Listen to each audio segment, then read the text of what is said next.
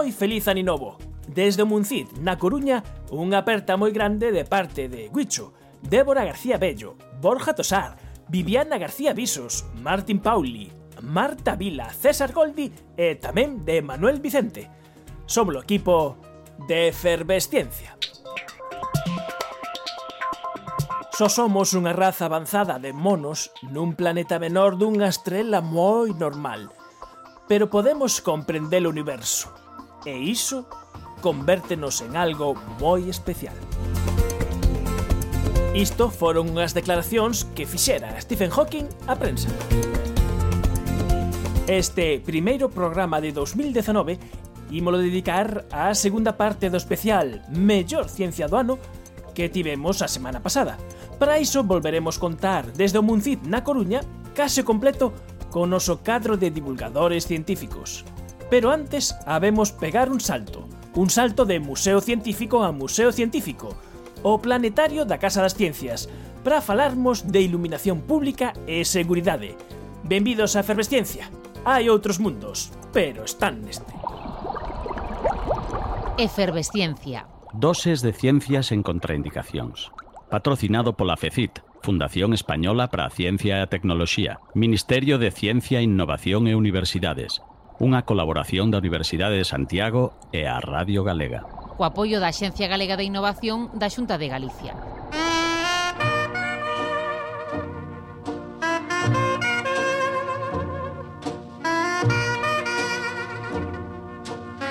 Estamos debaixo da cúpula do Planetario da Casa das Ciencias na Coruña. Aquí todos os días ás seis da tarde proxectase un programa de planetario que se deseñou desde esta casa que se chama A Noite Necesaria. A Noite Necesaria é un programa de planetario que se dedica a explicar por que necesitamos oscuridade de noite e por que debemos loitar contra a contaminación luminosa. E precisamente eh, esta noitiña houve unha palestra debaixo desta cúpula sobre seguridade e contaminación luminosa que deu Ana Alméciga. Ana, moi boas noites. Buenas noches. Non sei se de toda a xente que dá palestras aquí neste planetario se hai moitos abogados como é o teu caso. Eh, soy un caso excepcional, unha abogada que se dedica tamén a combatir la contaminación lumínica. Porque a contaminación lumínica é algo que pode entrar nas nosas casas, por exemplo, que pode ser intrusiva, eh, temos moi claro que ahora actualmente a legislación nos protexe se temos un problema de un local debaixo das nosas casas que emite ruido por encima duns determinados niveis, pero ata agora, coa contaminación luminosa, eso non estaba pasando, empeza agora. Exacto. Hasta ahora la contaminación acústica es la que era como la gente era muy sensible, ¿no? Es algo que te afecta mucho, pero ahora estamos empezando a, a, entender que la contaminación lumínica también es una forma de intrusión, es una inmisión en nuestro domicilio y por tanto no tenemos por qué tolerarla. que debemos facer en casos de que teñamos problemas nas nosas casas, de que teñamos, eh, por exemplo, unha farola que está alumeando directamente contra nós, ou eventos deportivos eh, que se organicen ou de outra clase, existen algún xeito de que podamos facer algo? Lo que tenemos que hacer es hacer una instancia, una instancia de denuncia al ayuntamiento para que éste adopte las medidas oportunas para eh, o quitar esa iluminación o proyectarla mejor. Si el ayuntamiento no nos hiciera caso, pues podemos acudir al defensor del pueblo, tomar alguna serie de medidas contra ese ayuntamiento que pueden llegar a ser incluso a demandarle judicialmente. Y ya tenemos algunas sentencias que condenan ayuntamientos por estar eh, con sus farolas haciendo intrusiones en los domicilios de los, de los ciudadanos. O sea que más vale que se pongan las pilas en estos temas porque estamos empezando a tener fallos judiciales eh, condenando a municipios. Porque en este caso estamos amparados por, incluso pola Constitución que vela pola protección ao ambiente. Exacto, la Constitución, el artículo 45, nos habla del medio ambiente, pero a raíz de sentencias precisamente de contaminación acústica, ese medio ambiente se ha vinculado al derecho a la inviolabilidad e intimidad del domicilio, por tanto, con el artículo 18, que es un derecho fundamental, y por tanto tenemos la máxima protección jurídica del ordenamiento jurídico para poder defender nuestro derecho. E ademais isto é unha cousa que cada vez é máis común, non? Estos do, eventos deportivos, eh, festas, incluso aquí se falou de orquestas que parece que hai unha influencia de Batman ou algo así, e que queremos deixar o noso sinal no ceo, incluso eh, por cuestións meramente de, de seguridade nas comunicacións aérea, esas cousas están prohibidas. Exacto, la, la conocida como Ley Mordaza, que es la Ley Orgánica de Protección de Seguridad Ciudadana, tiene un par de puntos en el que uno en concreto que determina como infracción muy grave las proyecciones de luces hacia el cielo que puedan perjudicar, por ejemplo, a, a pilotos o a conductores de cualquier tipo de, vehículos. Por lo tanto, incluso esas proyecciones que se hacen a nivel de eventos pueden llegar a tener sanciones que son hasta 600.000 euros. Por tanto, estamos hablando de una cosa que es muy grave y de la que hay mucho desconocimiento y muy poca conciencia. E nesta charla desta noite que estivo promovida pola agrupación astronómica IO, o título tiña que ver algo así como eh, se temos eh, máis iluminación, temos máis seguridade, ti como experta en seguridade, cal é a resposta a esta pregunta? Lo que yo estoy intentando divulgar es que eh, existe un efecto placebo con el tema de la luz. Es decir, la gente cree que por más eh, iluminada que esté una calle, se vuelve segura. Y no es eso. Es eso y muchas otras cosas más. La luz de por sí no va a evitar el crimen. La seguridad total no existe y, por tanto, para poder evitar los delitos de la noche, se necesitan otro tipo de medidas y no siempre pasan por poner más luz. Allí donde sea necesario hay que iluminar, pero habrá que hacerlo con criterios siempre medioambientales, una luz la mínima necesaria, bien proyectada, solo donde sea necesario y tener en cuenta otro tipo de medidas que son mucho más eficaces que la luz para prevenir los delitos. E que tipo de medidas que poden axudar, por exemplo, a crear entornos seguros pola noite, por exemplo? Por ejemplo, se han tomado medidas en algunos municipios como lo del tema del transporte público, ¿no? En vez de hacer pasar a la gente por zonas que están oscuras, que son descampados, pues pone un transporte público porque, que les haga, que les acerque a su casa. O incluso en algunos municipios he visto postes de la policía municipal, para si tienes cualquier tipo de problema puedas acudir, puedas picar ahí, enseguida la policía municipal te localiza y te pregunta qué te pasa.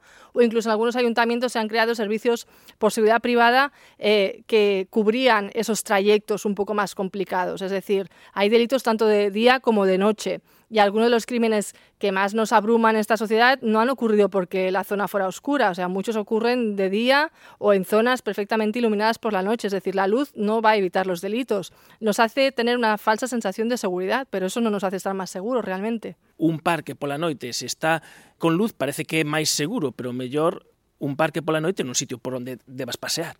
Exacto. No tiene sentido iluminar sitios que eh, ese municipio, esa zona, no quiere que, haya gente por la noche. Lo que estás haciendo es igual promover algunas conductas que pueden ser conflictivas, como tema botellones, incluso menudeos de droga o prostitución. Eh, las zonas que no queramos que haya gente de noche no las iluminemos porque lo que estamos haciendo es que la gente vaya allí y provoque otro tipo de problemas, que eso es otro de los temas de, de iluminar según qué zonas, ¿no? Que o el delito se desplaza o promovemos conductas que no son las deseables. Por lo tanto, hay que iluminar con criterios mmm, muy racionales.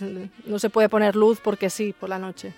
E a nivel de, de estatísticas, hai datos que nos digan se existe ou non, o que estás falando, esa correlación entre eh, maior luz eh, maior seguridade, que, que, que dan os estudos sobre este tema? Hay pocos estudios que sean concluyentes. Hay algunos que sí que vinculan que a más eh, luz por la noche hay más movimiento en la, en la calle y por lo tanto hay más comunidad y si te pasa algo igual puede que alguien te ayude con más celeridad, pero hay muchos otros estudios que también concluyen que no hay ningún tipo de relación entre el aumentar la luz y que se haya disminuido el delito. Pero sí que es verdad que, que, que se aumenta la sensación de seguridad sin que ello tenga una repercusión en, en, en el porcentaje de delitos. De hecho, en ciudades que son muy sobreiluminadas, como puede ser Barcelona o Madrid, la delincuencia está aumentando. Por lo tanto, eh, no es la solución la, la luz, porque si no, cada vez habría menos delitos y parece ser que no es así. Ana Almécica, abogada, especialista en seguridade, eh, moitas grazas por atender os de efervesciencia aquí justamente debaixo da cúpula do planetario da Casa das Ciencias na Coruña. Moitas grazas. Gracias a vosotros.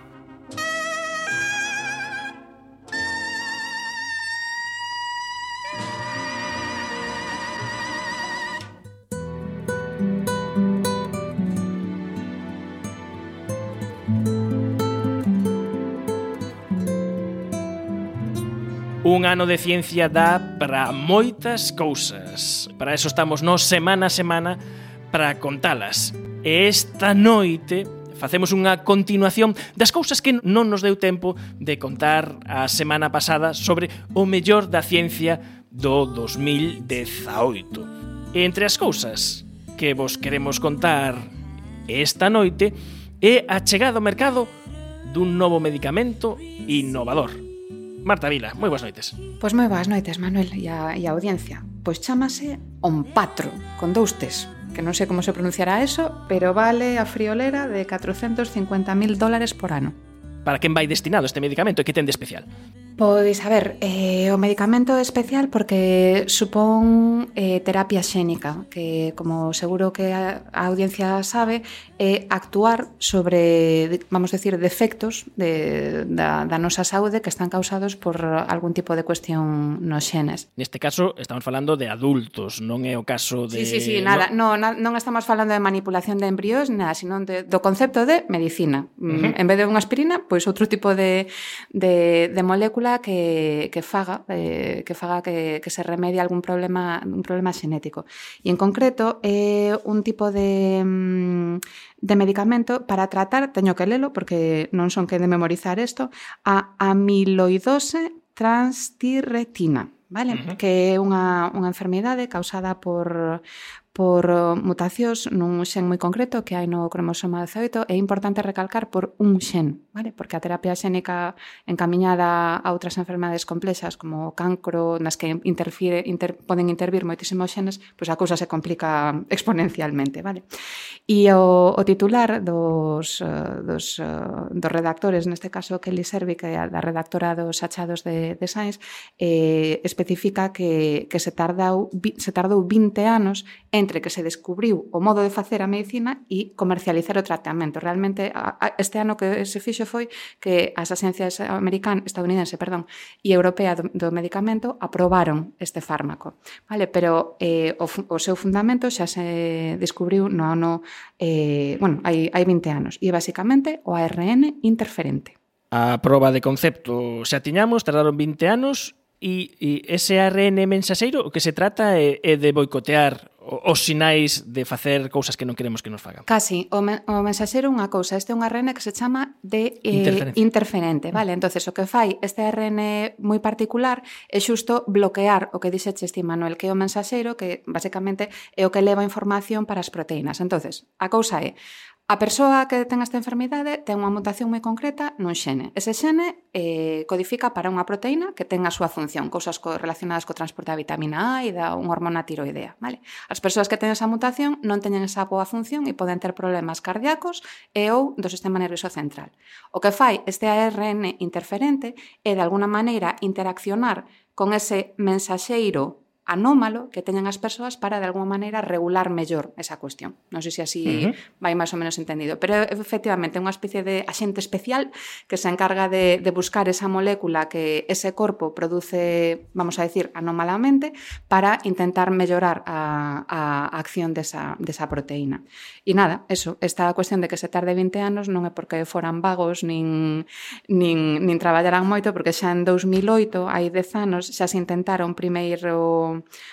un, un primeiro, vamos a decir, eh, modo de veiculizar ese ARN de, de, de ai, dios mío, de interferencia, interferencia. Eh, e probaron con nanopartículas eh, lipídicas, pero a cousa non funcionou ben. Teñen que levar o, o, a ese ARN pequeniño, teñen que levar hasta o fígado, que é onde está, digamos, a, a función da, da proteína. E, eh, pois eso, hai poucos anos que, que probaron, pois eso, anclando o ARN a un, a un tipo de, de glícido que vai como un tiro ali ao fígado e agora xa está parece que o que abre isto ademais en novas vías para logo poder tratar, xa se está eh, probando, bueno, xa están en ensaios clínicos para tratamentos de cuestiones en, en ollos e tamén no, no propio sistema nervioso central, o sea que parece que se abre aí un, moitas posibilidades terapéuticas. Unha nova vía terapéutica o gallá que ademais que non haxe esas restriccións económicas que os tratamentos non costen medio millón de euros por persoa.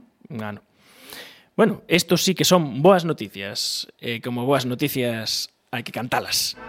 Hoy las ciencias adelantan que es una barbaridad, que es una brutalidad, que es una bestialidad, una bestialidad.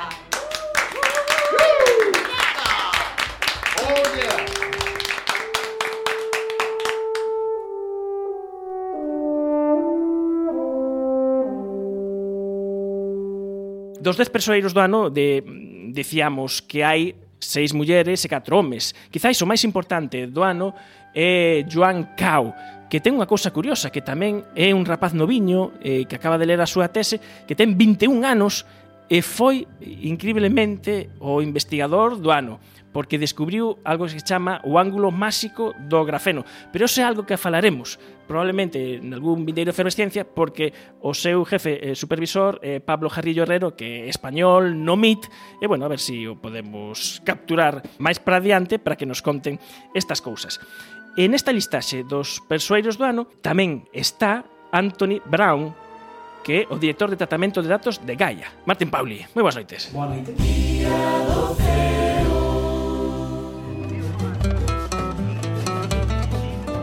Exactamente, sí, traballa na Astrónoma da Universidade de Leiden e o coordinador do equipo de, do Consorcio de Procesado Análise de Datos de Gaia que abrangue a 400 persoas, máis de 400 persoas.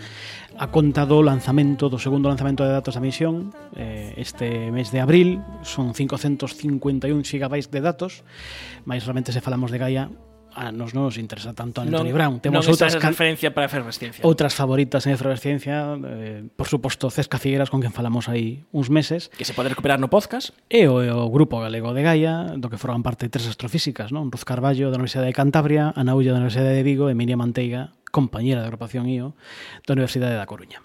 Gaia, que esa esa mm, fotografía en, en evolución de máis de mil millóns de estrelas da nosa galaxia que xa en este corto espazo de tempo desde que se liberaron os datos de Gaia en uns poucos meses xa se teñen feito máis de 700 artigos científicos. Eh, o obxectivo de Gaia é facer un cartografado desas mil millóns de estrelas máis tamén de todo o que pase por diante dos detectores. E de feito Gaia tamén está chegando información ou va a chegar a información para a detección de exoplanetas e de, de asteroides obxetos cercanos á Terra por exemplo inda que non sexa o obxectivo prioritario acabará achegando moita información adicional.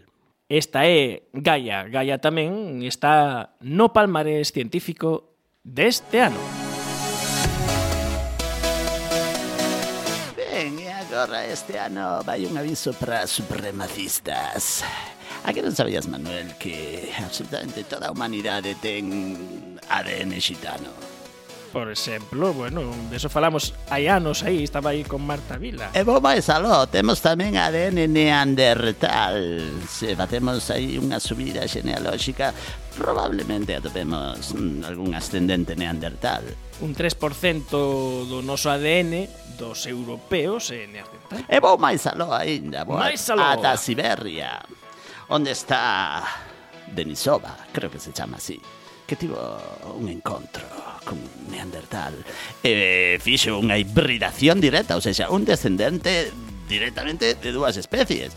No cole non ensinaban que unha especie é algo que non se pode mesturar con outras especies. Que que é isto das especies? Que que que lío é este? Que que que pasa?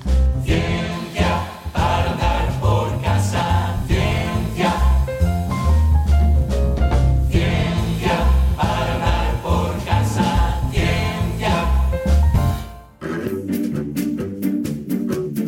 Viviana García Visos. Moi boas noites. Boas noites, Manuel, que tal? Coito que sen a outra tradición que a ti dos achados do ano te tocan as cuestións antropolóxicas. Sí, parece que ou as escollo eu, ou as más das ti, ou pero sempre me toca. Sí, bueno, unha lotería trucada. Pois, eh, pois sí, é certo que comentaba de, de Einstein eh, na, nas covas de Denisova eh, atopáronse, bueno, atopouse unha adolescente de, de 13 anos que, que é un híbrido directo entre dúas especies extintas de homínidos que eran eh, un neandertal e un, de, eh, un denisovano. A, a nai é neandertal e o pai é eh, denisovano. Esta é un pouco a, a idea. Uh eh, -huh. E facía frío e...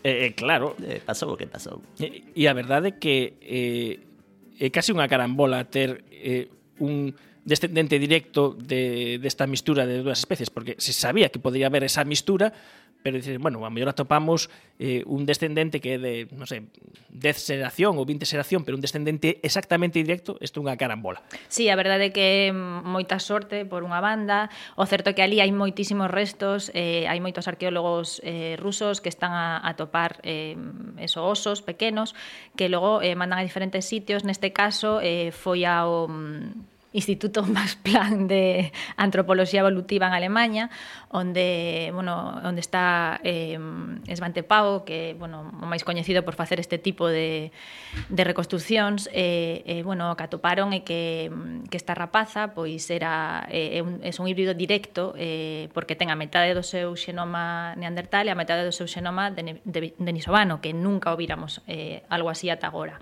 De feito, a idea é eh, intentar replicar este resultado, non? porque algunha xente todavía un pouco escéptica. Eh, e respecto ao que decía Boa de Einstein, que pasa? Que o que non sabemos é se, se esta rapaza sería fértil. Quero dicir, a idea esa que falabas de especie. Non? Eh, en teoría, eh, Mm, para que dúas especies sean diferentes non poden reproducirse e, e ter descendencia fértil tamén. Claro, nos non sabemos eh, se esta, se esta híbrida eh, si que era fértil ou non, entonces tampouco mm, podemos estar eh, se, o sea, non podemos dicir se eran dúas especies totalmente diferentes ou non co que sabemos de dos restos fósiles. Mm, as cousas que pasaban hai 50.000 anos por aí, mm, de, bueno, de dos lances amorosos, sen mirar en cultura, etnias, nin tan siquera pues, especies de, de homínidos. De feito, a investigadora que fixo todo isto é Vivian Sloan, que é unha das tez importantes do ano por Nature. Sí, a miña tocalla, ademais.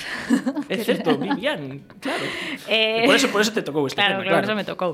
Eh, tamén foi escollida eh, como unha das personalidades. Eh, ela, de feito, fai tres anos que fixo este, este achado, pero non eh, sorprendeuse moito, non pensou que, faz, que fixera algo mal no laboratorio, que non podía ser, non? O típico, pois, algo, algo fixen mal, e repetiu, non? E tardou tempo en contalo ao, seu, ao resto do seu equipo porque eso, porque non estaba eh, nada asegurado do resultado polo sorprendente que era, porque ter un híbrido de primeira xeración non é unha cousa, pois é, vamos, unha agulla nun pallar.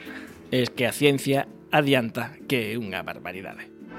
Hoy las ciencias adelantan, es una barbaridad, es una brutalidad, es una bestialidad, una bestialidad.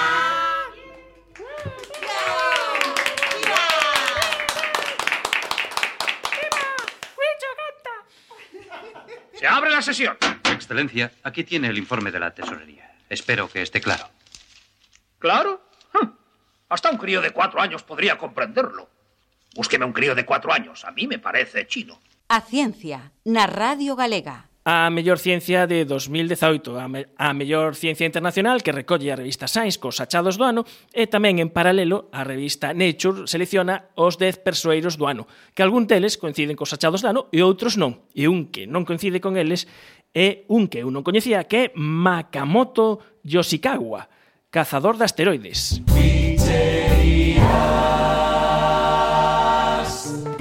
Now this song is called Internet Baby.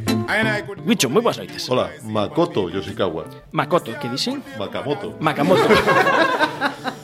As motos molan, pero en fin. Bueno, eh, pedimos disculpas ao señor Yoshikawa. Yoshikawa. Así non nos liamos. E así pues no amigos tamén máis Makamoto. Bueno, mm, eh, Maka pros, pros amigos. E home este se lle chama cazador de asteroides. Por que? Bueno, eh, chamase así porque é o responsable da misión Hayabusa, supoño que se pronuncia así, 2 da Axencia Xaponesa de Exploración Espacial, o equivalente a ESA ou a NASA, que neste sintres está a explorar o asteroide Ryugu para eh, tomar fotos, eh, medir as súas propiedades, estudiar a súa superficie con tres rovers que xa ten colocados aí e outro máis que ten pendiente e tomar mostras que traerá de volta para a Terra pero non é a primeira vez que este tipo está nunha misión deste estilo. Porque se hai a segunda parte que houve unha primeira parte. Efectivamente, se hai Hayabusa 2 é que tivemos eh, Hayabusa a pelo, que foi unha misión super complicada de, eh, dos japoneses que lles pasou de todo o que lles podía pasar cando ian cara a Itokawa que era o asteroide que iban a estudiar unha fulguración solar estropeoulles parte dos, dos motores unha vez que chegaron ali perderon o contacto varias veces no camiño de volta tamén Pero ainda así, cos motores estropeados, utilizando só os motores de maniobra, conseguiron traer de volta a sonda e unhas partículas minúsculas da, da superficie do asteroide que era o objetivo final da misión. Ah, pero vamos, eso que traes moito, moito, moito perseverar. Ten moito mérito. Por eso é o señor dos asteroides. Eu coido que Lin que eh, quedou enamorado dos asteroides lendo Principiño. Eh, pues sí, eh, cada un ten un pasado, non? eh, porque queremos ir hasta un asteroide, coller algo, unha mostra e traelo para Terra. Os asteroides son unha especie de mostra conservada dos orixes do, do sistema solar. Están por ali dando voltas polo espacio, están moi pouco modificados por ningún tipo de fenómeno, un pouco como o do cráter que falábamos antes, non? que estaba protegido baixo o xeo, pois os asteroides están protegidos porque están no espacio onde non interactúan con nada. Entón creemos que son como mostras do, do, da orixe do noso sistema solar e interesanos saber de que están feitos os, os elementos químicos que os compoñen para ver de, de onde vimos e probablemente onde vamos. E, e o noso amigo Ma, bueno, cazador de asteroides, tamén tivo outras aventuras. Sí, é como unha especie de MacGyver espacial, porque aparte de, da misión Hayabusa, 2, eh, Hayabusa original, con todos os problemas que tiveron, tamén estuvo involucrado na misión Akatsuki, que pretendía colocar unha sonda en órbita ao redor de Venus. Era a primeira vez que a JAXA, a xencia xaponesa, intentaba tal cousa. E xusto en 2010, o 7 de decembro de 2010, cando tiña que facer a maniobra de, de inserción orbital, fallaron os motores, co que en vez de entrar en, en órbita alrededor de Venus, saiu disparada, pois a dar voltas polo sistema solar.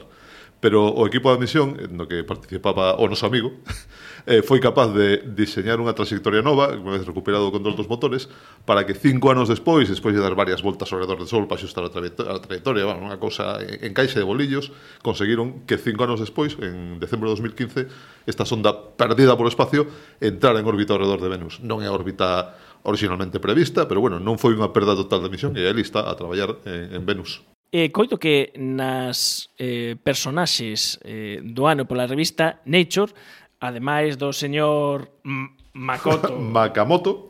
Makamoto, ves, teño aquí horror Foi un error de transcripción. Makamoto, Makoto, Makoto. Me, no, é Makoto. É Makoto. Makoto, xa me estás a confundir. Makoto, Makoto. Bueno, ademais do señor Makoto, bueno, hai eh, outros 10. Eh, este ano coido que hai máis mulleres que homes, hai seis mulleres e catro homes, e hai unha muller coa que casi contactas.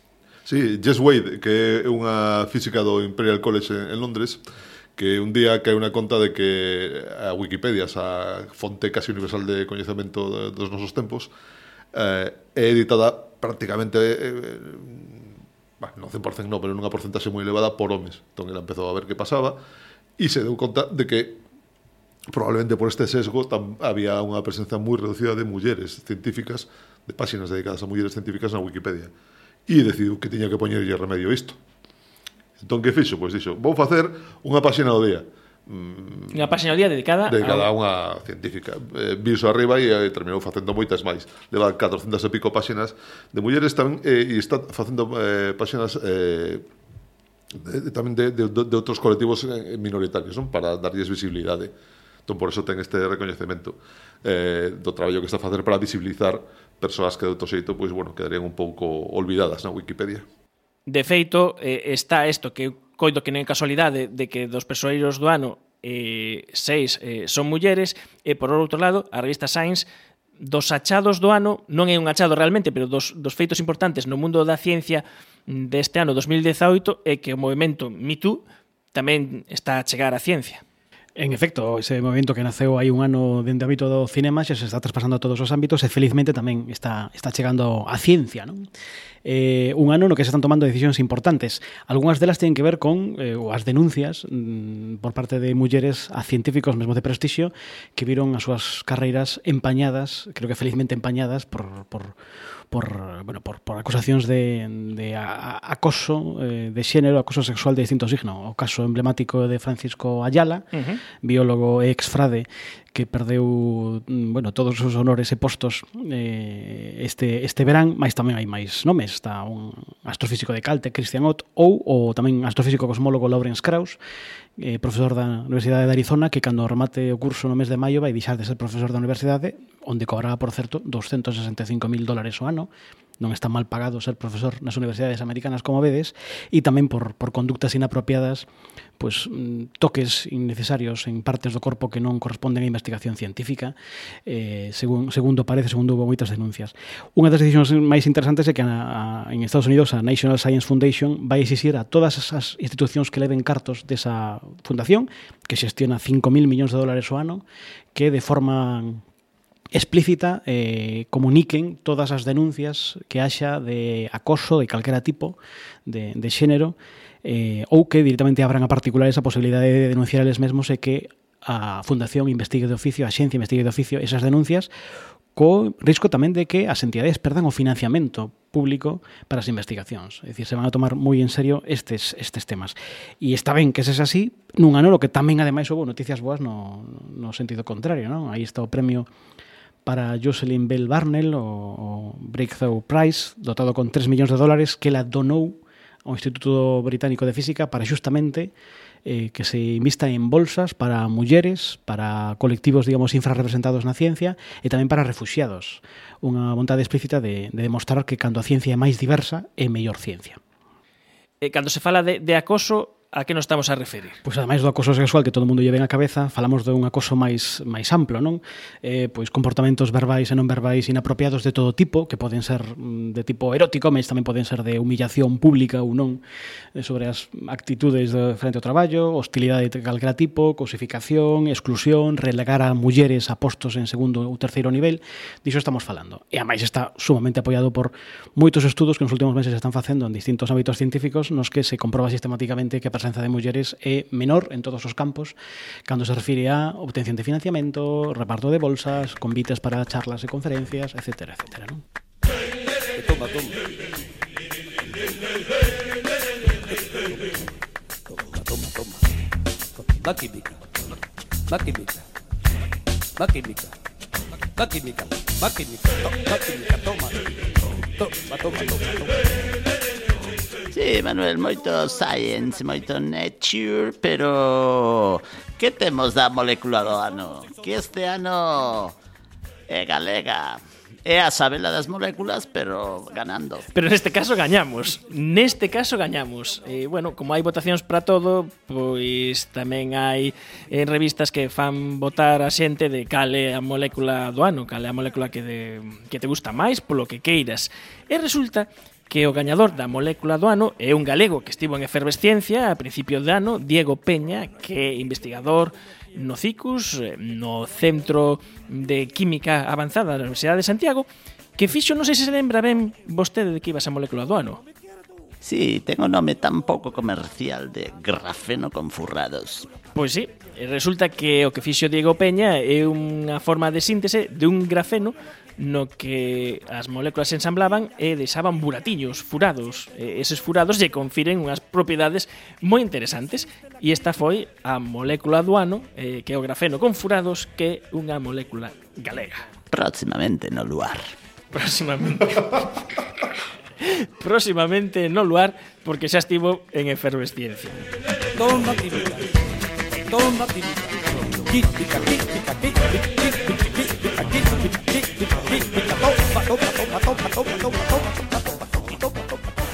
Borja Tosar, moi boas noites. Moi boas noites, Manuel.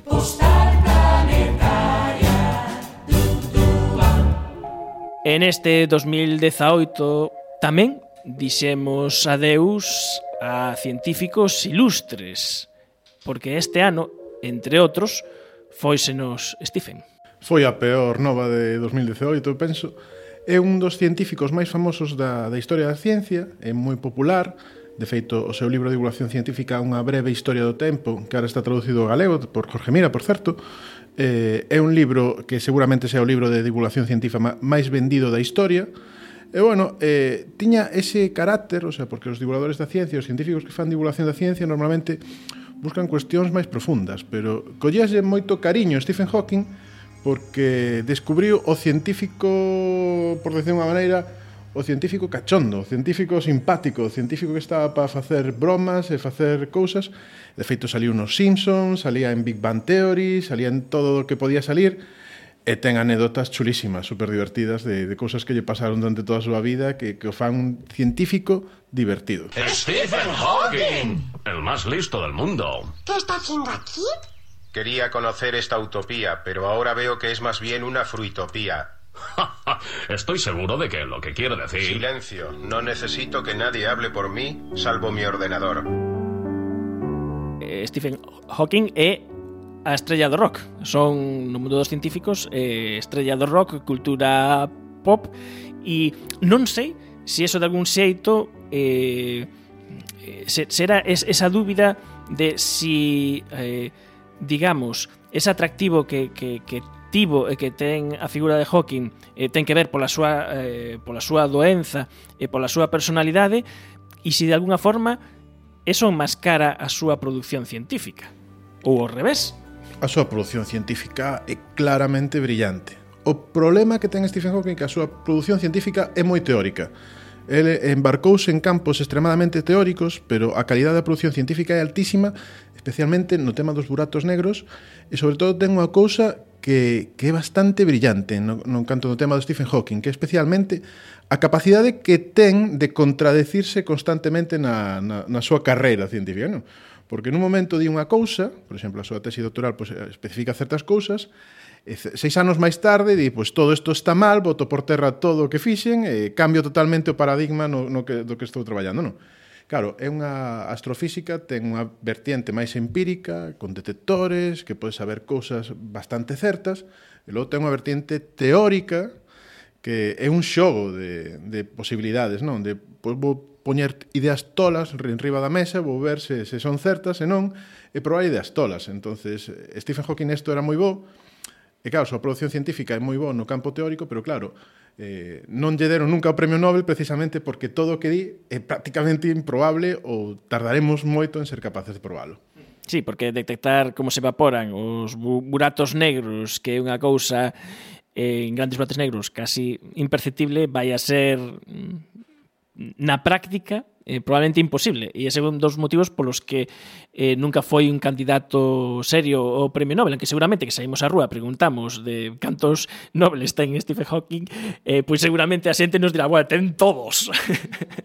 Tres polo menos. Eh, é eh, un Óscar. É un Óscar e Grammys. Bueno, non me extrañaría que tivese algún... Bueno, home, sí que eh, como figura mediática sí tiña esa historia de que sabía eh, sabía aproveitar eh, eh, a, a súa visibilidade mediática. Nos, cando fora eso, en aquel momento faláramos con alguén que o coñece, que tivo relación con él, co noso colaborador José Edelstein, eh, que, que él decía que, que él detectaba que había eh, no trato humano unha distancia da xente con él, non? Porque había como unha especie de mm, de bueno, de que estaba como un altar e que era difícil que se aproximase a xente e que el botaba en menos esa aproximación da xente e tamén botaba de menos que se aproximase xente coa que pudese falar de física, desas súas cousas, de ti a ti que non só fose mm, que nada, que que ves a Stephen Hawking e te pos a babear, non? Entonces, bueno, está eh, está o científico, está a persoa humana e está tamén a, a figura pop, o icono pop, eh, xa quedará aí fixo que o, o Stephen Hawking, que,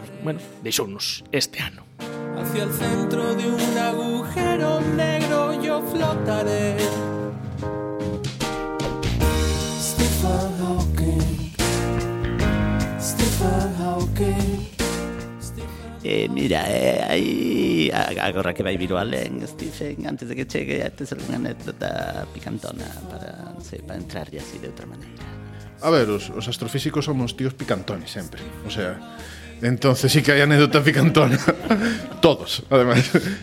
Eh, por exemplo, Stephen Hawking, eh, traballando con outro astrofísico moi reconocido, que era Kip Thorne, os dous seguramente son os grandes exponentes dos buratos negros na, na ciencia actual dos buratos negros, é impresionante a produción que teñen. Kip Thorne quizás foi máis unha produción máis empírica, por eso é menos estrella do rock, pero é a produción bueno, científica está máis valorada. Ten Nobel. Ten Nobel, que ten Nobel e ten peli, como, bueno, asesor, asesor de, de Interstellar. Esa grandísima película. Pois, precisamente, falando de buratos eh, espera, negros... Esa grandísima película, Martin, favor ou en contra? Eh, depende. Nada, bueno, grandísima película. Eh, eh tivemos, tivemos aí o, o, bueno, o noso crítico de cine. Eh, temos que dicir que en Efervesciencia, eh, cando falamos de cosas de cine, tenemos por un lado a Borja e por outro lado a Martin. E non sei se os gustos son compatibles. Se fixésemos un diagrama de Ben que, se, que nos enseñaron os da SB, seguro que a intersección é nula. Non sei, se conseguimos eh, unha peli que o mellor valoren os dous como obra maestra, ten que ser unha cosa. Interestelar. Interestelar. Bueno, de Interestelar queda depende. Nos íbamos ás anécdotas de Hopi. Sí, eh, pois eh, falando con Kip Thorne, que tamén é de, dos buratos negros precisamente, unha das cousas que, que pasaba eh, fai, fai unhas cantas décadas, eh, había o modelo teórico de que había buratos negros, pero non se había comprobado experimentalmente, non había ninguna observación, nin ningún dato empírico, nin se había detectado certamente ningún burato negro, non? Entonces, os dous traballaban nos buratos negros e había un, un candidato especialmente que era Cygnus eh, 1X, era un, un burato negro que é un candidato e había polémica de será burato negro ou non será burato negro, non? Entonces, nunha destas, eh, Stephen Hawking dixolle, pois te apuesto unha suscripción anual a, Penza a Penthouse, que a revista esta de porno blando, eh, a que eso non é un burato negro. Claro, en principio que o, a idea de Stephen Hawking, que era defensor dos buratos negros, era como non sea burato negro, Polo, eh, polo menos teño unha suscripción. Polo menos me dá unha suscripción este, me xo unha suscripción e teño unha suscripción a outra revista. Este, eh, Kip Thorne pediu, pediu a Penthouse, Stephen Hawking pediu unha revista de cosas políticas e tal, que lle gustaba el de Pirvait Ait ou algo así. Eh, entonces dixo, bueno, pues, se polo menos toda a miña carreira e eh, os buratos negros non existen e eh, tirei todo este tempo, polo menos teño unha suscripción a unha revista.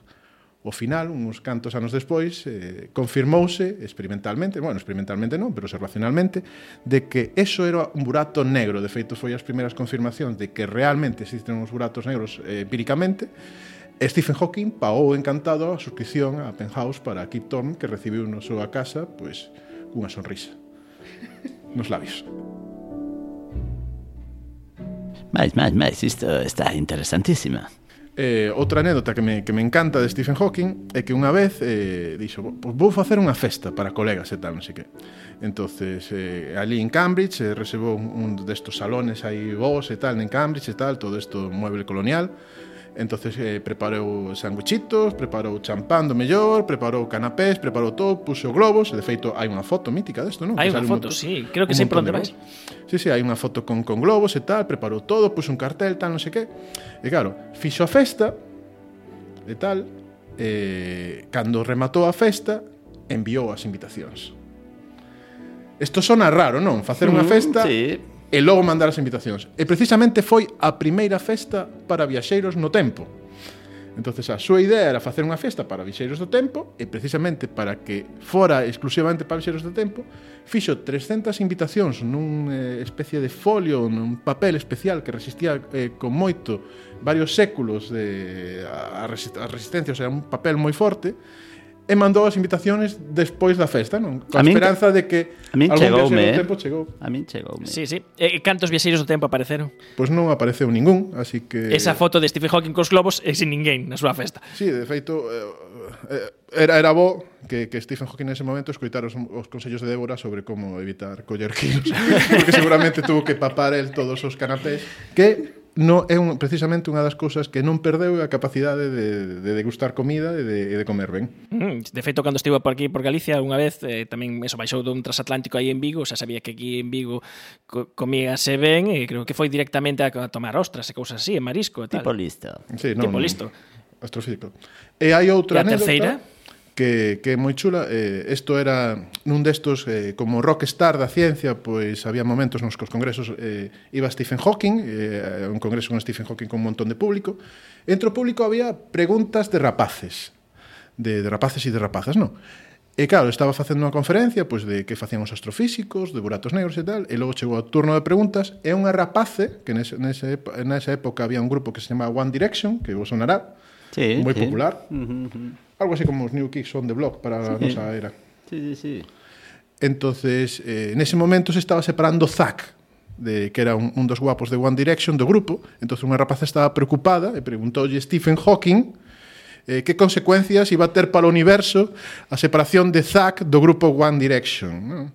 Entonces Stephen Hawking pues eh, quedou así pensando, pensando, eh, dándolle aí a se pode decir dándolle a tecla co, co, ca mejilla, non, co, co aparato que ten a mejilla para teclear E, bueno, despois dun rato, contestoulle eh, se te preocupa que Zack deje One Direction, eh, o que tes que facer é estudiar física e astrofísica. Porque precisamente unha das cousas, eh, un dos temas ou dos tópicos máis importantes na astrofísica actual é a idea dos multiversos. A idea de que hai outros universos moitos parecidos a estes e precisamente pola gran cantidade de multiversos que esperamos que atopar, todas as posibilidades poden ocurrir en todos os universos. Entonces, neste universo toca que Zack deja One Direction, pero hai outro universo no que segue no grupo é moitísimo mellor. Hai outro universo no que eres a novia de Zack de One Direction. Un cachondo. bueno, quedouse, quedouse coa rapaza. Bueno, os multiversos agora tamén están moito nas pelis. Creo que na última de, de Spider-Man tamén vai de multiversos.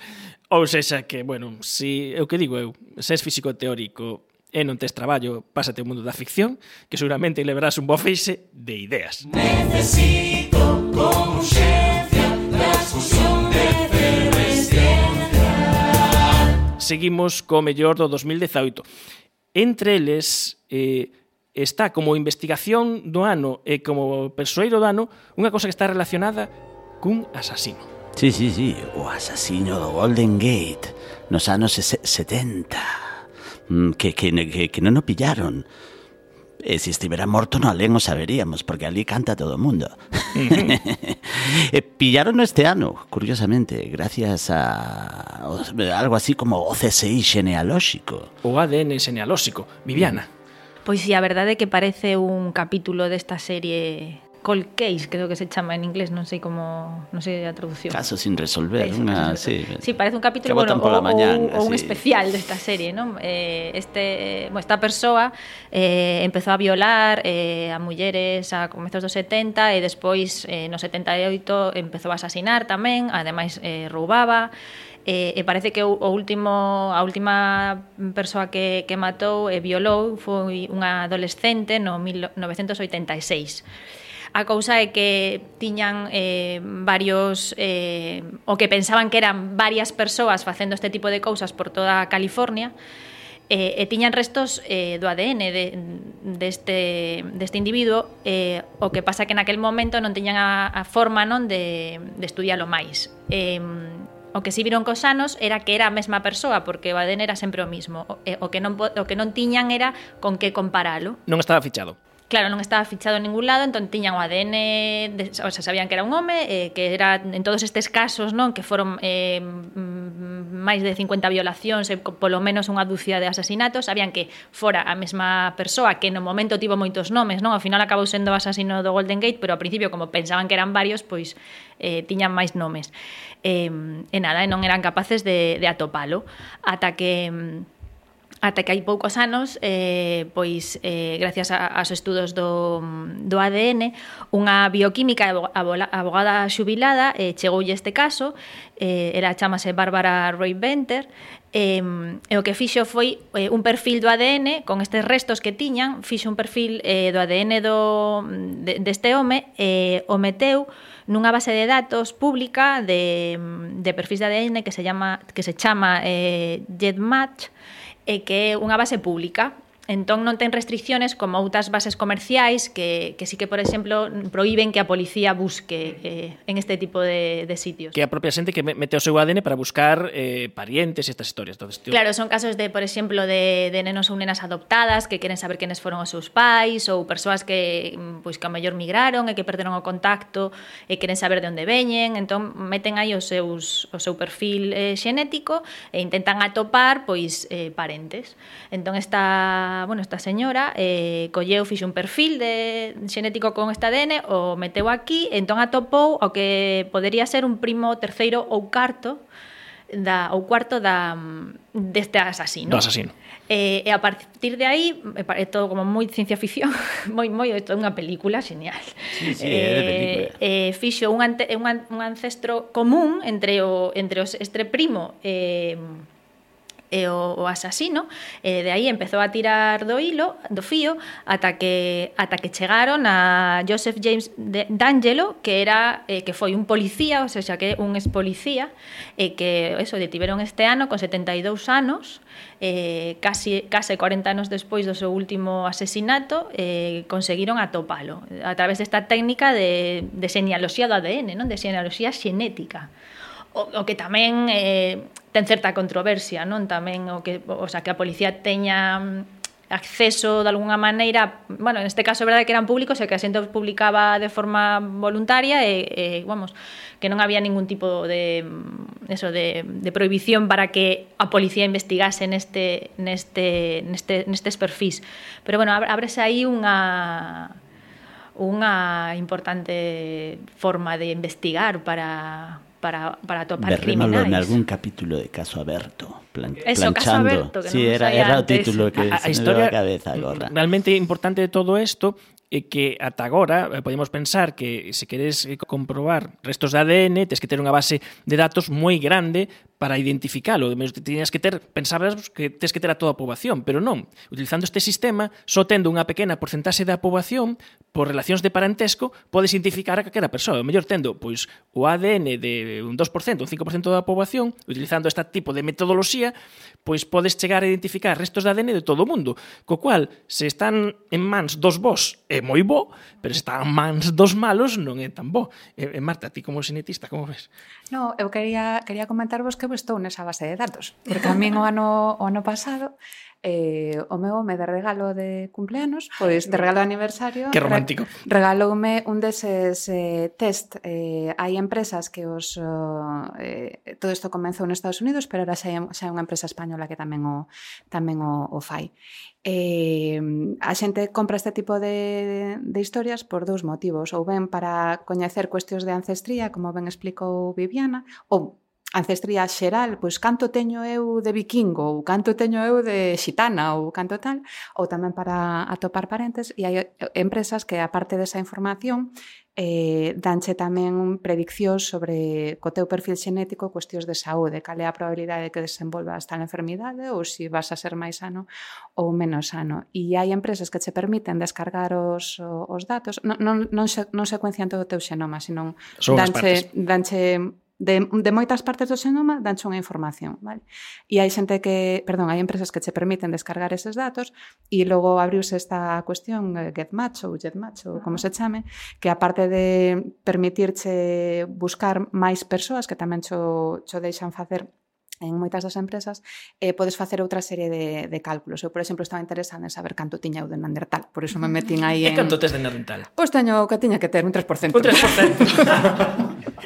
bueno, xusto. Un 7% africana, bueno, que din os artigos de Carracedo, malladiño, malladiño. Pero, dicíavos isto, porque cantos desta sala sodes galegos, galegos con avós e bisavos galegos. Eu estou nesa base de datos, así que se cometedes digo, un crime... Eu non digo nada. Poden chegar a min, e como os galegos en promedio... En, en promedio, eh, podemos retrotarnos a parentesco próximo en 10 xeracións atrás, moito cuidadiño co que facedes nos USA, porque eu xa estou fichada. Eso era o que vos quería comentar. Habrá, habrá que guardar agora os envoltorios dos turróns e todo iso para anos despois saber quen era o que o, o que mentía cando, bueno, cando dicía que se comeu o, o mordomo, é sempre o mordomo. bueno, este de Ángelo o colleron porque logo cando pensaban que era el, eh, foi aí a policía a, a, a, a mirar no seu lixo, a coller obxetos persoais para facer o match xa co, co, co ADN do sospeitoso e aí xa foi match 100%. Sí. E nada, dicir que eh, eh, eh, a Bárbara Reinventer, que tamén está como unha das eh, dos persoeiros de, de, Nature, de Nature, ademais de que sexa un achado non esta, esta forma de, de atopar criminais, e que ela empezou, o sea, que se, digamos que se fixo especialista porque empezou por facer os, o seu árbol genealóxico xenético da, da súa familia, non? E foi como aprendeu, digamos, a poder levar esta eh, desta maneira a outro a, a outro, a outro esquema. Sí, pero es que ademais é alucinante porque Seika que ela mirando os seus antepasados, resulta que tiña un antepasado en Scotland Yard na época de Jaco Destripador. Velle de familia. Entonces velle de familia, velle de familia. E ademais, seguindo coas casualidades, ese apelido Venter a que vos soa? Craig Venter. Craig Venter, eh, que, bueno, é un dos pioneiros aí na, na secuenciación, foron os, os privados, e un dos visionarios destos de, da secuenciación masiva está Craig Venter. Bueno, está todo todo, todo. xúntase aquí. Isto merece sí, sí. É que esta Unha Bárbara... É que esta Bárbara é moi bárbara. E as ciencias avanzan que é unha barbaridade. Hoy las ciencias adelantan que es una barbaridad, es una brutalidad una bestialidad, una bestialidad. Uh.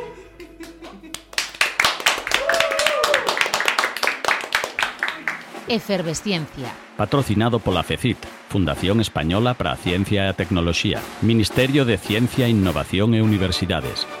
Moitas grazas a todos os nosos colaboradores efervescentes por esta segunda parte do mellor do ano da ciencia 2018 e as perspectivas pro 2019. Moitas grazas a todos e que teñades un moi bo ano. Adeus.